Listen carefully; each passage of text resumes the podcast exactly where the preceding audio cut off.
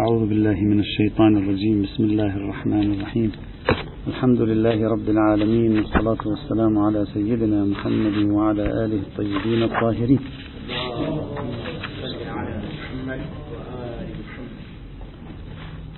كنا نتكلم في العنصر الكمي الذي طرحه السيد الشهيد محمد باقر الصدر رحمة الله تعالى عليه.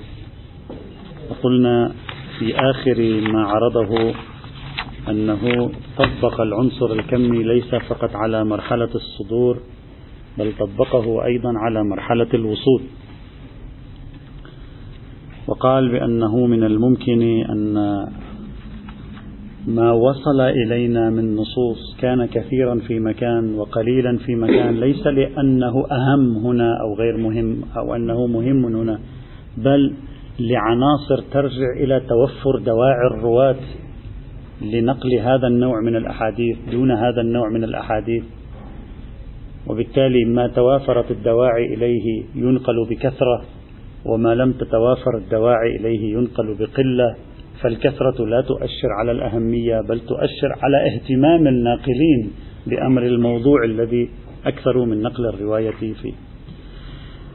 أشرت بالأمس إلى أن هذه الالتفاتة الجميلة للسيد الشهيد الصدر وهي التفاتة قائمة على وعي تاريخي اجتماعي.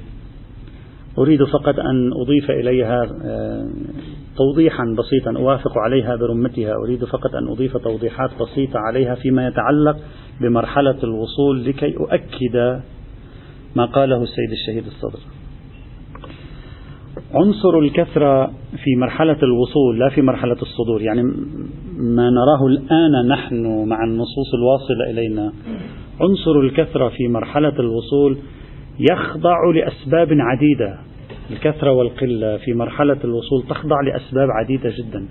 منها طبيعة اهتمامات الرواة دواعيهم قناعاتهم بنوعية المروية هذا كله مؤثر. فإذا كان جمهور الرواة مقتنعين بهذه الروايات التي رويت وبمضمونها فإنهم يروونها بكثرة فتصل هناك نصوص كثيرة. وإذا لم يكونوا مقتنعين فلا يتم روايتها بكثرة وتصل نصوص قليلة. وسأعطي مثالين أو ثلاثة أمثلة احتمالية كيف أن الناقل يساعد على إخفاء بعض النصوص. ولو بحسن النية. نحن لا نتكلم هنا عن سوء النية. نتكلم عن حسن النية. كيف أن الناقلين والرواة والمحدثين يساعدون على إخفاء مجموعة من النصوص صدرات لأنهم لا ينسجمون معها في قناعاتهم ويعززون نقل نصوص أخرى صدرت لأنهم ينسجمون معها. فيكون الإمام قد قال مئة رواية في الموضوع ألف ومئة رواية في الموضوع باء ولكن مدارس الرواة في العصور اللاحقة حيث إن لديها موقفا إيجابيا من الموضوع ألف ولديها موقف سلبي من الموضوع باء. تنقل المئة رواية التي في ألف ولكنها تنقل من أصل مئة رواية في باء تنقل فقط عشرة فيصل إلينا مئة مع عشرة فنظن أن هذا فيه كثرة. وهذا فيه قلة فنظن أن هذا أهم. والأمر ليس كذلك. مثال أول أذكره وهو مثال افتراضي وليس واقعيا افتراضيا. وعليه شواهد تاريخية نستطيع أن نرجحه واقعيا لا أريد أن أجزم به. مدرسة قم. في حقبة زمنية معينة كان لها موقف سلبي من مرويات هي كانت تصنفها بأنها مرويات غلو. وقد رأينا كيف أنهم كانوا يضربون على أيدي الرواة الذين ينقلون مثل هذه المرويات ويمارسون شكلا من الحجر الاجتماعي عليهم بل يمارسون شكلا من الطرد ضدهم. ماذا تتوقع أنت في فضاء مدرسة قوم بحجم الروايات التي تنقلها لنا؟ من هذا النوع الذي تعتبره هي غلوا ربما لا يكون غلوا بالنسبة لي. أتوقع لو أن مدرسة قم هي الممسكة بأمر الحديث أن تصلني الروايات المسمات بين قوسين بالغلو قليلة جدا وأن تصلني الروايات المسمات على أنها ليست بغلو بكثرة. عنصر الكثرة والقلة في مرحلة الوصول ما هو الذي لعب دورا به؟ مواقف المحدثين ومن بيده القرار في قوم.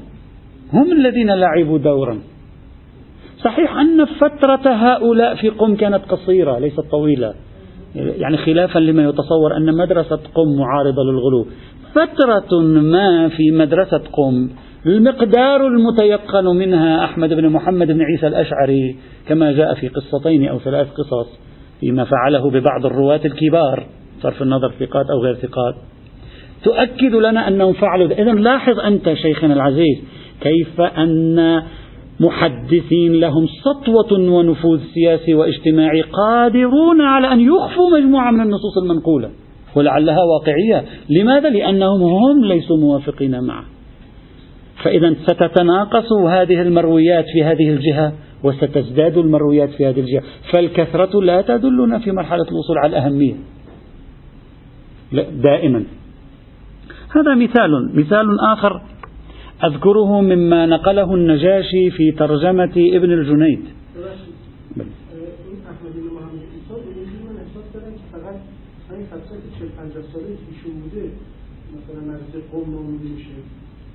لا أقول تسمى مدرسة قم في عصره لا. أقول التشدد ذروته المتيقنة في زمانه.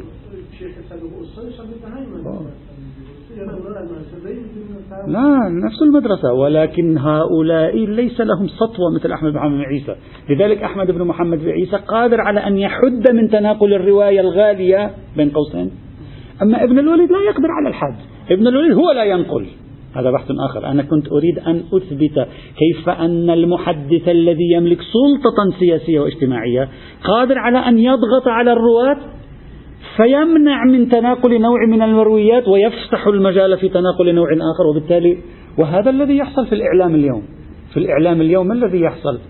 الدولة التي لها نفوذ السلطة التي لها نفوذ تفتح المجال لوسائل إعلامية إذا كانت تنطق بما تريد هي وتضيق على وسائل إعلامية أخرى إذا كانت تنطق بما لا تريد. فماذا يصل إلى الناس؟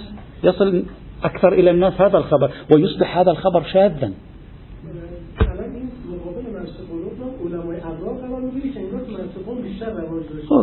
لا, لا أريد أن أجزم ماذا كان رأيهم. هل بالضبط كما يقول بعض المعاصرين مدرسة قم في تلك الفترة كانت تقول بنظرية علماء الأبرار؟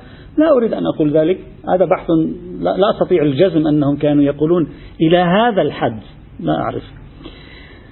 هذا مثال. لكن هذا المثال أمره سهل يسير. في مقابل مدرسة قم توجد مدرسة الكوفة التي ربما كانت تمنع المرويات التي تتهمها بالقصور أو التقصير. كان فيها وفرة وبالتالي الأمر تعادل. لكن ماذا لا ترى لو أن مدرسة قم والنافذين في مدرسة قم أمسكوا بالحديث الشيعي في فترة استمرت قرن أو قرن ونصف؟ ما الذي كان يتوقع أن يكون قد وصلنا؟ لا تستهن بهذه الأحداث التاريخية وأنت ترى ما وصلك حتى لا تحكم بسرعة هذا كثير وهذا قليل وبالتالي هذا هو الأهم وهذا هو المهم وهذا هو الأولى وذاك ليس بأولى. هذا مثال مثال ثاني. ما قاله النجاشي في ترجمة أحمد بن آه، في ترجمة ابن الجنيد. في ذكره لابن الجنيد النجاشي ذكر كتابا لابن الجنيد اسمه هكذا. هذا نص النجاشي. كتاب إظهار ما ستره أهل العناد من الرواية عن أئمة العترة في أمر الاجتهاد. ابن الجنيد متهم بالقياس والاجتهاد صحيح؟ كل معروف هذا. واختلف في ما هي تهمته وما ينبغي أن نفسر حاله. ست سبع آراء في هذا الموضوع. بناء على ما نعرفه من ابن الجنيد وطبيعة العنوان الذي يعطينا إياه من؟ النجاشي. نتكهن. لا نريد أن نجزم. نتكهن أن ابن الجنيد يتهم خصوم الاتجاه القائل بالقياس. أو بشيء فيه رائحة القياس أو ربما هو اجتهاد المصلحة أو ربما, ربما هو اجتهاد روح الشريعة ما شئت فعبر. يتهمهم بأنهم أخفوا مجموعة من المرويات عن العترة الطاهرة كانت لمصلحته. وهو ليس بمحدث الآخرون كانوا محدثين. فضيقوا على أمر هذه المرويات فوصل إلينا صورة عن رأي أهل البيت أنهم معارضون أشداء لحركية الاجتهاد والفسحة في التصرف في الاستدلالات. بينما لم تصل إلينا الصورة الأخرى. لو صح ما قاله ابن الجنيد لو فهمنا من كلامه ذلك لما لكان معنى ذلك أن روايات القياس رب وأمثال القياس ربما في مقابلها روايات لو وصلتنا لربما تصورنا موقف أهل البيت بطريقة أخرى. هذه تهمته. لا أريد أن أقول صحيحة لا أريد أن أقول غير صحيحة لكن فليكن في ذهننا كيف أن مؤثرات الرواة في عصر ما في عصر الرواية يعني العصور الأولى للرواية ممكن أن تترك أثر. هذا احتمال أيضا. مثال ثالث أيضا أذكره. الشيخ الصدوق بنفسه رحمة الله تعالى عليه في كتاب التوحيد صفحة 119 120 يقول يذكر الروايات المتصلة برؤية الله سبحانه وتعالى. الله يرى لا يرى إلى آخره. ثم يقول هذا تصريح رسمي معلوم من واحد من كبار المحدثين الشيعة. يقول والأمر في السنة على هذه الوتيرة لا تفكر هذا الشيعة هذه موجودة في جميع المدارس. يقول والأخبار التي رويت في هذا المعنى يعني في قضية الرؤية. وأخرجها مشايخنا رضي الله عنهم في مصنفاتهم عندي صحيحة. صحيحة. يتكلم عن مجموعة من الروايات في قضية الرؤيا. يقول عندي صحيحة.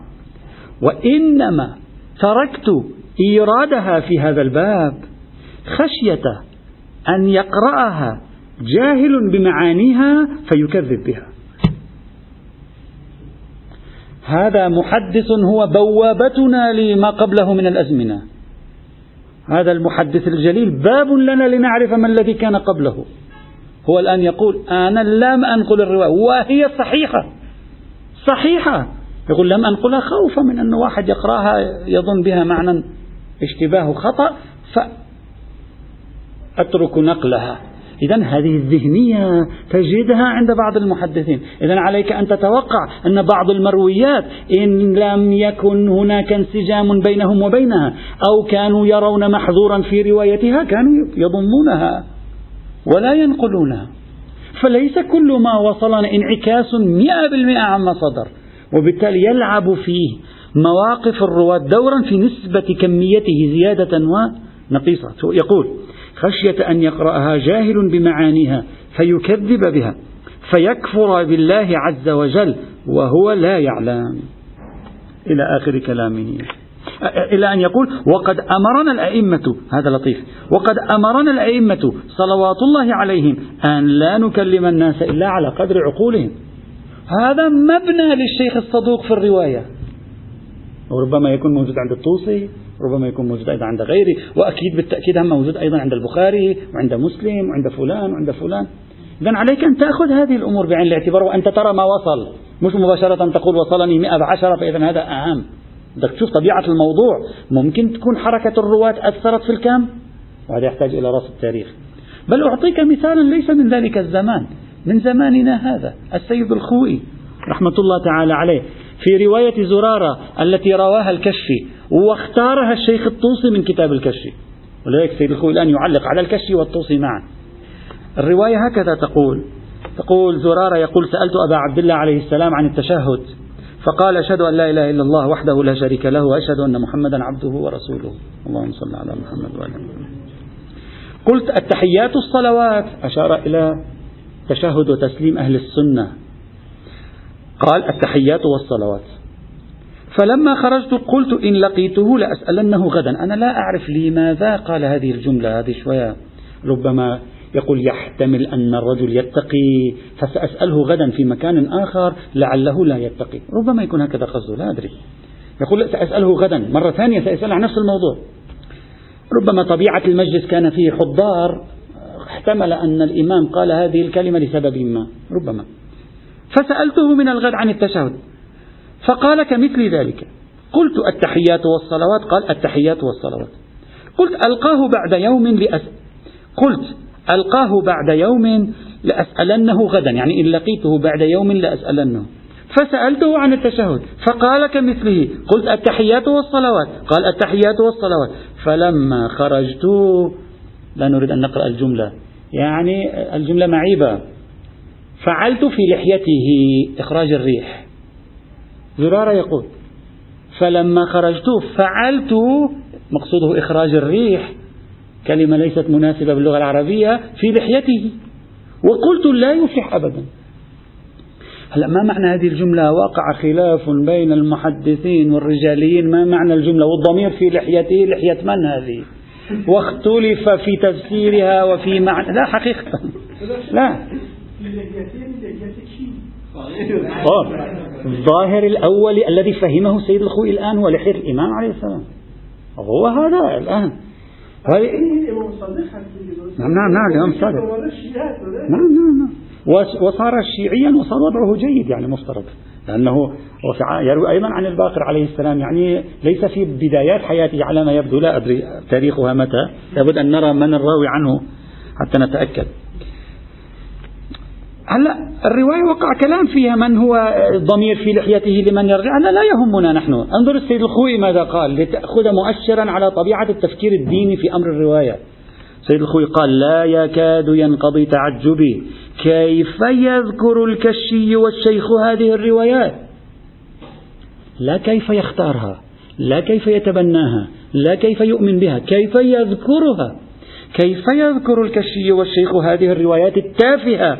الساقطة غير المناسبة لمقام زرارة وجلالته والمقطوع فسادها ولا سيما أن الرواة إلى آخره هذا كلام.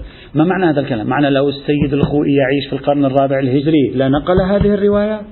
ما ينقل هذه الرواية هذا معنى يتعجب من نقلها إذا خلي في بالك دائما أن المسبقات الذهنية القناعات الخاصة الاعتبارات الزمنية والمكانية تحرك الرواة في وفرة ما ينقلون والشح فيما ينقلون.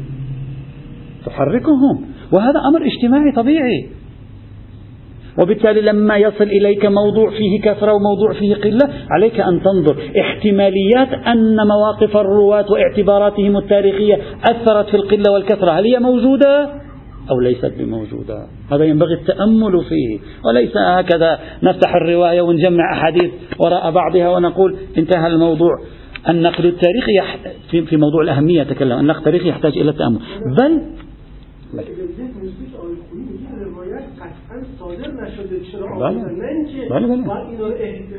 برأيه برأيه.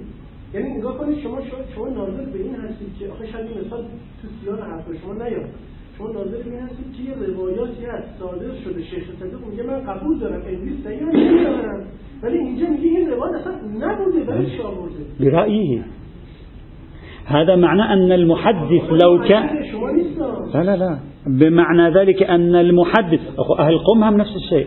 المحدث لو رأى الرواية معلومة الفساد ولا يعقل صدور من الإمام لا ينقلها. أنا لا أقول ليس طبيعيا. لا شوفوا أنا في البداية الكلام قلت لا نتكلم عن أنه خطأ. أنا لا أقول أفعالهم هذه خاطئة. وقلت أنه ممكن يكون عن حسن نية وعن تبرير. ما نتكلم عن الخطأ. نقول هذا هو الواقع. لا أقول هم مخطئون. ربما لو كنت أنا مكانهم ما أفعل نفس الشيء ربما. لكن في نهاية الأمر هذا واقع موجود في التاريخ أو لا؟ نحن نقول هذا واقع متوقع تاريخيا والشواهد تؤيده. وبالتالي علي أن أخذ بعين الاعتبار أن هذا الواقع التاريخي ممكن يكون أثر على بعض المرويات تبعا لنوعية الموضوع. أحيانا نوعية الموضوع بعزز الاحتمال ونوعية الموضوع بقل الاحتمال. هذا هو الذي بل حتى العوامل الجغرافية أيضا تلعب دورا مثلا ربما كتب حديثية أو مجموعة حديثية تم تناقلها في مدرسة سمرقند أو في مدارس ما وراء النهر لم تتداول في بغداد ولا في الكوفة ولا في قم والري ممكن. البعد الجغرافي للمدرسة الحديثية يقلص من سرعة انتشار أخبارها والقرب الجغرافي للمدرسة الحديثية من العاصمة. العلمية أو العاصمة السياسية يساهم في انتشار أفكارها ومروياتها. هذا شيء طبيعي. الآن بعض الأشخاص اترك عصر المعلوماتية والإنترنت الآن. بعض الأشخاص لو كان علامة دهره لكنه يعيش جغرافيا على هامش العالم الإسلامي. لا يعيش في العواصم العلمية أو في العواصم السياسية الكبرى في العالم الإسلامي. أفكاره لا تنتشر. لكن نفس هذا الشخص لو جئت به إلى مكان هو العاصمة العلمية الدينية أو العاصمة السياسية المؤثرة أفكاره تنتشر. إذا حتى موقع المحدث جغرافيا ممكن يكون مؤثر. وبالتالي ممكن يكون في كثير من الحديث في مدرسة سمرقند لم يصلنا بسبب أن هذه المدرسة لم يكن لها نفوذ على المشرق على المش على المغرب نسبة إليها. يعني على المشرق الأوسط. في مقابل المشرق الأقصى. كل هذه الأمور لابد أن تؤخذ بعين الاعتبار وأنت تدرس هذا الموضوع. طيب. اترك الآن الأمثلة نرجع إلى أصل الفكرة. بل أصل فكرة أن الكثرة لا تساوي الأهمية يمكن للإنسان أن يتأملها حتى في القرآن. إذا كان مؤمنا بأن القرآن سنخ وحي تفاعل مع اللحظة الزمنية. كما يقول دكتور نصر حامد أبو زيد وعلى هذا الأساس هذه واحدة من الأسس التي كفر عليها. إذا قلنا القرآن في لحظة نزوله يتفاعل مع الوقائع الزمنية فممكن أن يركز على في بعض آيات أزيد من آيات أخرى تبعا لأن موضوع هذه الآيات يمثل أهمية زمنية في لحظة التأسيس. فممكن يركز عليها. وتكون نسبتها مساوية لنسبة أمر هو في الحقيقة أهم منها. إذا العلاقة التفاعلية بين القرآن والزمان الذي نزل فيه. لو قبلنا بها فممكن القرآن أيضا يكون قد ساهم في تكثير بعض نصوصه للتركيز على موضوع توجد ضرورة زمنية كانت فيه. لا أن هذا الموضوع توجد له ضرورة متعالية عن الزمان والمكان. هذا أيضا احتمال. طبعا هذا الاحتمال يختلف عن أمر الحديث. هذا الاحتمال باعتبار دخوله في القرآن الكريم يحتاج إلى يعني تقعيد قواعد تحتية حتى تستطيع أن تصل إليه. وعلى أي حال. مثلا مثلا قد شخص يقول لك نعم قد شخص يقول لك أن تكثير التركيز على قصة موسى مثلا لإشارات معينة. ممكن. طبعا هذا له بناءاته الكلامية. يعني الأشاعرة لا يمكن أن يقبلوا بهذا ويعتبرون هذا كفرا.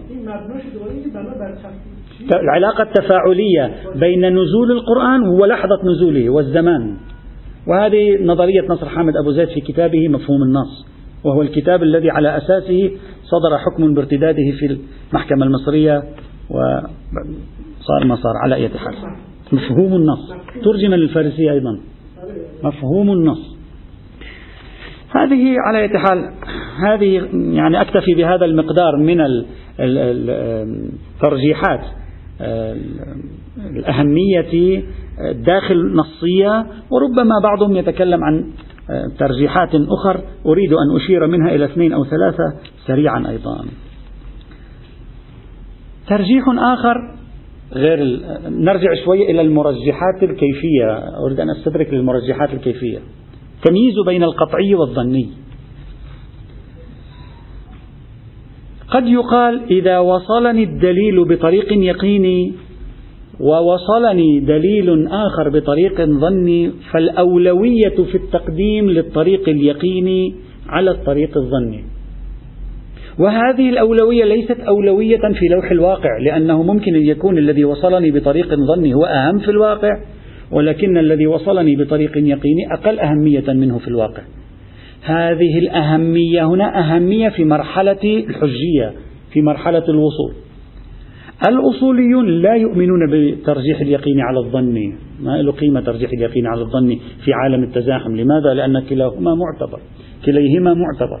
وما دام الأول والثاني حجة متساويان في الحجية لا فرق بين حجية هذا وحجية هذا. هذا حجة وهذا حجة وهذا لا يدل على أن هذا أهم أو ذاك أهم. لا موجب لأولوية هذا على هذا. لكن في المقابل قد يدعى ويقال العقلاء يقومون بتقديم القطع على الظن. قطع على الظن في التزاحم نتكلمها لا في التعارض لا نتكلم في التعارض في التزاحم يعني يقدمون اليقين على القطع لماذا؟ لأنهم يعتبرون أن الاحتفاظ بملاك حكم علم لهم قطعا أولى من الاحتفاظ بملاك حكم لا يعلم أنه صادر أصلا. يعني هذا أشبه شيء بالمثل القائل عصفور في اليد في مقابل عشرة عصافير على الشجرة. لا أضحي بعصفور في يدي. طمعا في عشرة عصافير موجودة على الشجرة. منطق العقلاء هكذا. يقول هذا متيقن محرز أن ملاكه قطعا يريده الشارع. قطعا واقعي. أضحي بهذا الملاك لصالح ملاك آخر. لا يعلم أنه موجود في الشريعة. صحيح حجة حجة. لا نناقش الحجية حجة. ولكنني لا أعرف صدقه الواقعي. المنطق العقلائي يقول بتقديم هذا على هذا لأن الإنسان بطبعه العقلائي يرى أهمية الأمر المتيقن. في مقابل الأمر غير المتيقن. يعني في أهمية في مرحلة الوصول هنا لا في مرحلة لوح الواقع. إذا شخص ادعى أن العقلاء هذا ديدنهم عدم التضحية في موارد التزاحم بأمر متيقن لصالح أمر غير متيقن. ممكن حينئذ أن يقال بأن دليل حجية الظن الصدوري أو الدلالي أصل دليل الحجية مقيد بالفهم العقلاء بعدم مزاحمته لدليل لحكم دليله يقيني. إذا شخص قبل لا بأس ما قبل لا أريد أن أبت الآن في هذه القضية فقط أطرحها للتداول.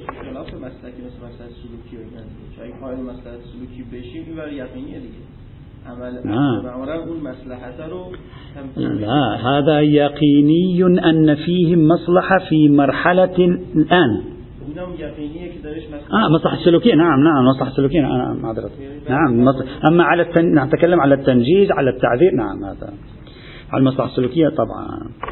هذا أيضا مرجح يمكن أن يطرح ويحتاج إلى تأمل على حال مرجح آخر يطرح أذكره وهو ما قبل الأخير تقديم المصلحة العامة على المصلحة الخاصة. كثيرا ما يذكر كما جاء في كلمات غير واحد من العلماء أنه إذا تزاحمت ما فيه مصلحة الفرد مع ما فيه مصلحة الجماعة قدم ما فيه مصلحة الجماعة على مصلحة الفرد. لماذا؟ والوجه واضح.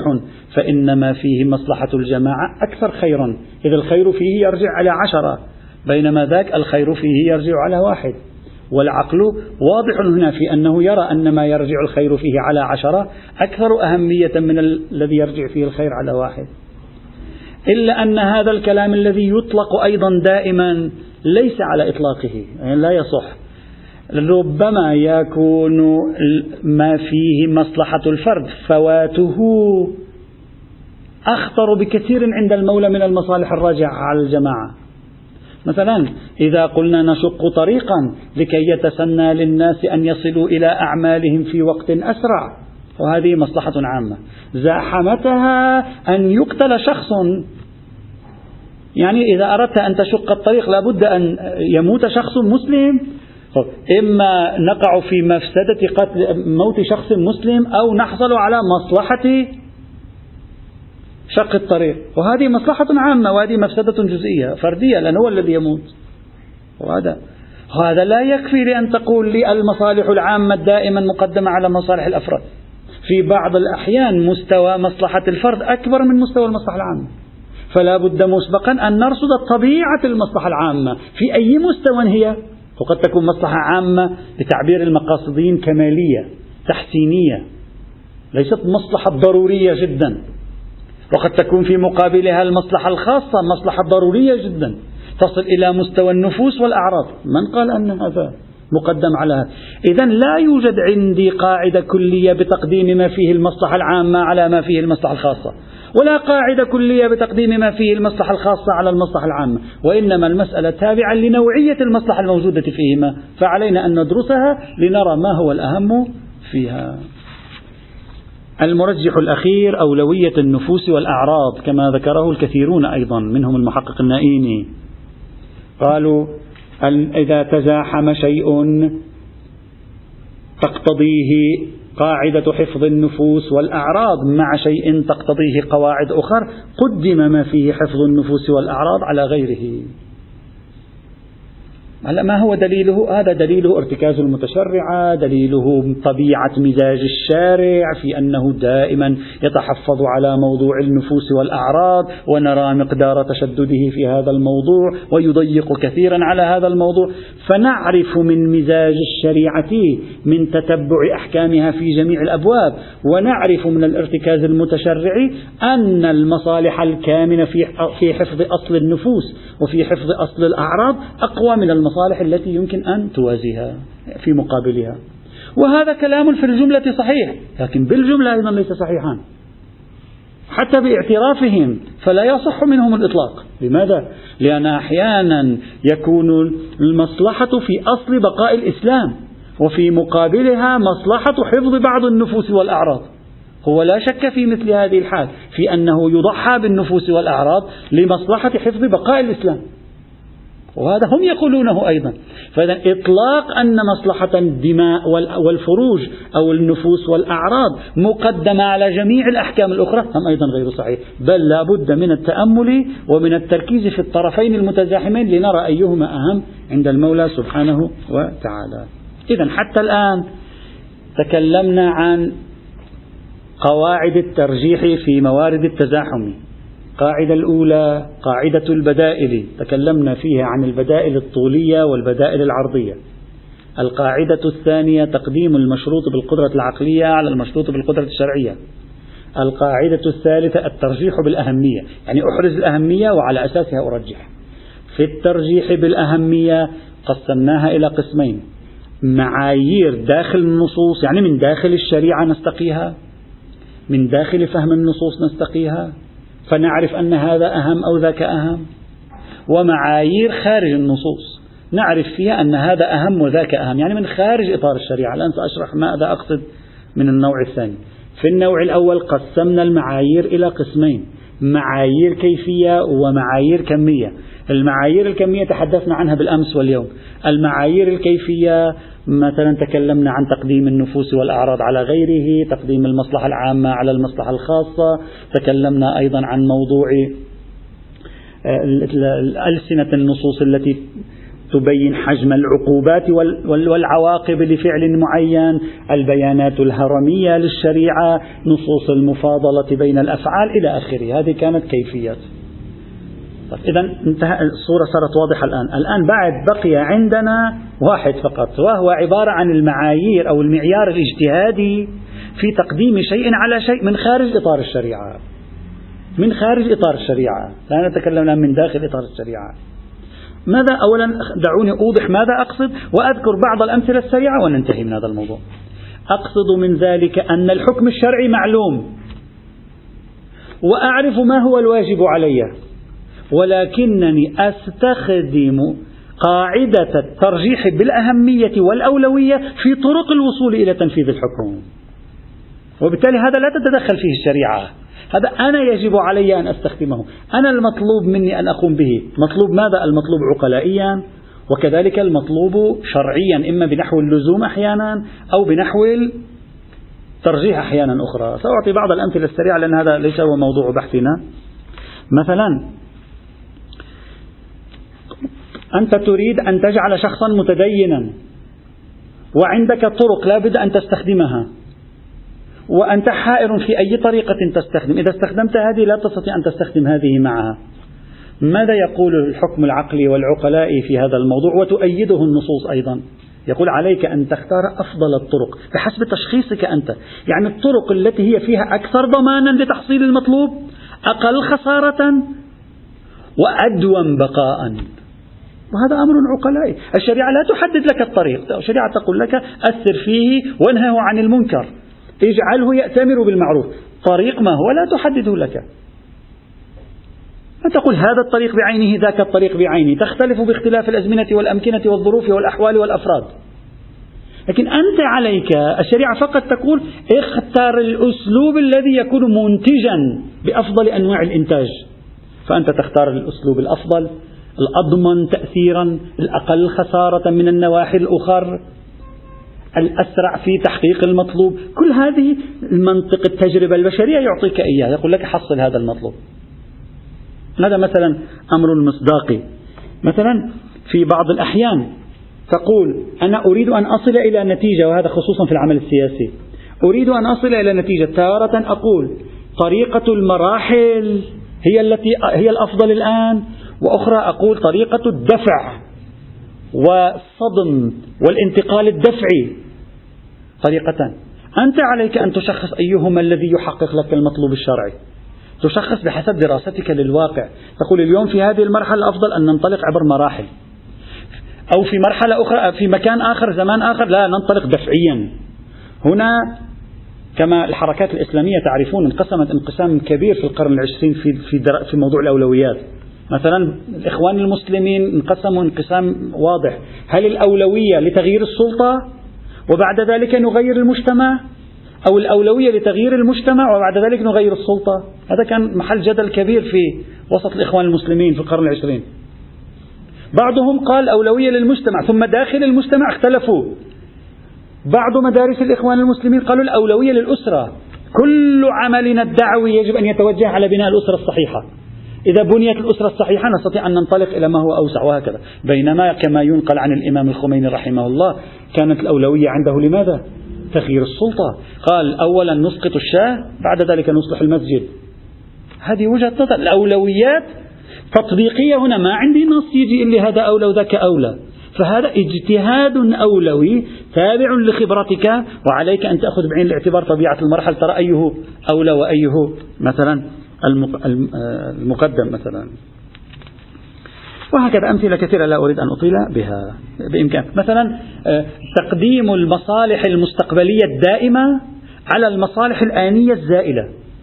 هذا من كوارثنا نحن اليوم في الفكر في العمل الديني.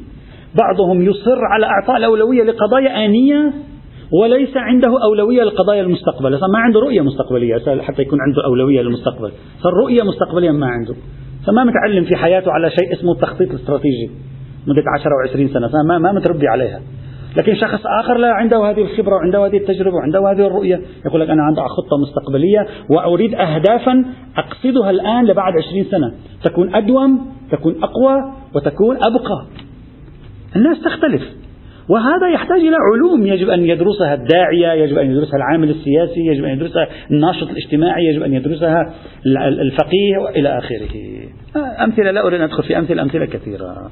طيب إلى هنا انتهينا بحمد الله تبارك وتعالى من الحديث عن فقه الأولويات وقواعد التزاحم والتصارع التطبيقي بين الأحكام.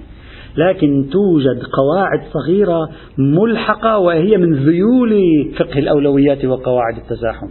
بسبب وجود بعض الكلام فيها سنتكلم عن كل واحدة منها باختصار كم واحدة ليست كثيرة باختصار لأنها موجودة في كتب الفقه والأصول وهي عملا من من ملحقات قواعد فقه الأولويات ومن ملحقات قواعد التزاحم. إن لم تكن جزءا منها سنتوقف عندها آه، لنشير إليها. أول واحدة قاعدة دفع الأفسد بالفاسد. قاعدة دفع الأفسد بالفاسد. هذه القاعدة إذا تأملتها قليلا تجدها أنها من صغريات قاعدة التزاحم. فأنت عندك شيء شديد المفسدة وشيء قليل المفسدة. وتزاحما ولا تستطيع الفرار. إما أن تفعل شديد المفسدة أو تفعل قليل المفسدة. قواعد التزاحم ماذا تقول؟ قليل المفسدة. وهذا نفس قواعد التزاحم أنت تجريها هذه المرة بالمقلوب. هناك كنا نتكلم عن الأهمية هنا نتكلم عن الأخطرية. نفس القواعد هي بعينها تجري. فلذلك قالوا ندفع ما هو أفسد بما هو فاسد. ندفع ما هو أفسد بما هو فاسد. وعملوا بها. المحقق السيد الخنساري في جامع المدارك يقول هذه قاعدة مشهورة. ابن تيمية أصلا يقول الشريعة جاءت بخير الخيرين. ودفع شر الشرين. فبناء الشريعة على قاعدة دفع الأفسد وتحصيل الأفضل. سيد الإمام الخميني في باب الإكراه يقول لو أكره شخص على طبيعة محرمة طبيعة المحرمة لزمه الإتيان بما هو أخف مراتبها. أخف المراتب. يعني مش إذا قال لك يجوز لك المصافحة في مورد الإكراه أنت تروح تروح تأخذ راحتك. أخف مراتب الطبيعة. عليك أن تأخذ بها. لأنك أنت الآن ليس أمامك من خيار. يقول ذهنية قاعدة دفع الأفسد بالفاسد. لأن الماء هو إن لم تفعل ذلك تقتل وهذا هو الأفسد. فأنت تفعل ما هو فاسد وتقتصر على أدنى مراتب الفاسد. مثلا الشيخ ناصر مكارم شيرازي في بحث قصة موسى والعبد الصالح يقول ما هي التخريجات الفقهية؟ يعني يريد الفقهاء أن يخرجوا قصة موسى والعبد الصالح تخريج فقهي. يريد تخريجها فقهيا. فيذكرون تخريجات. الشيخ يذكر تخريجات. يقول تخريج ما هو؟ دفع الأفسد بالفاسد في قصة السفينة. كيف؟ لأنه إن لم نخرق السفينة ونخربها جزئيا لراحت السفينة كلها. هذا أفسد. فلنخرب جزئيا حتى لا تذهب السفينة. فهذا دفع الأفسد بالفاسد. هذا شكل من أشكال تطبيق قاعدة دفع الأفسد بالفاسد. طبعا بعدين هو لا يقبل بذلك. يقول هل يعقل فقهيا أن نقبل بذلك؟ يعني إذا شخص مثلا يريد أن يصادر أموال شخص آخر فنحن بدل أن يصادر كل أمواله نأتي نكسر له أمواله. هل يقبل الفقهاء بذلك؟ ما يقبل هو بهذا التخريج الشيخ مثلا. وهكذا. إلا أن الشيخ محمد السند رفض قاعدة دفع الأفسد بالفاسد.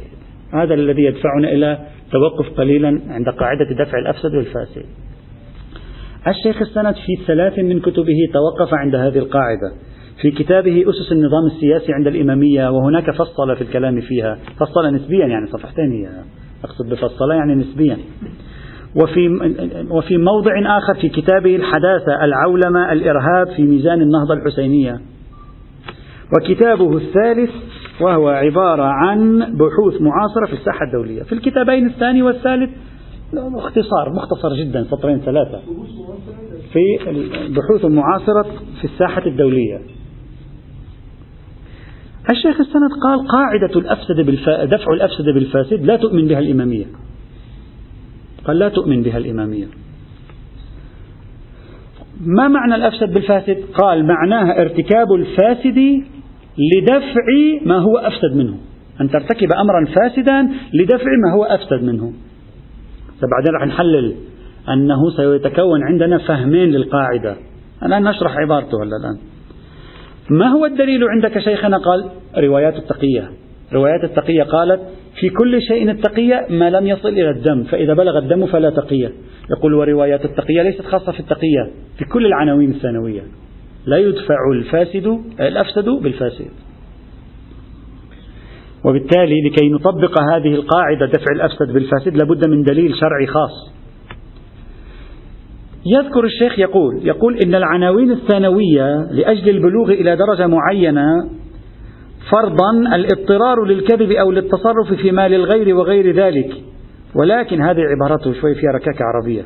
ولكن إذا وصلت إلى الدماء أو إلى ملاكات كبيرة فحينئذ لا يسوغ مثلا أن عنصرا مخابراتيا يرتكب الزنا واللواط والفحشاء والقتل وغير ذلك لأجل أن يسترق معلومات خطيرة مثلا عن الكيان الصهيوني. يقول هذا ما شو هذا دفع الأفسد لا هذا مرفوض عند الإمامية.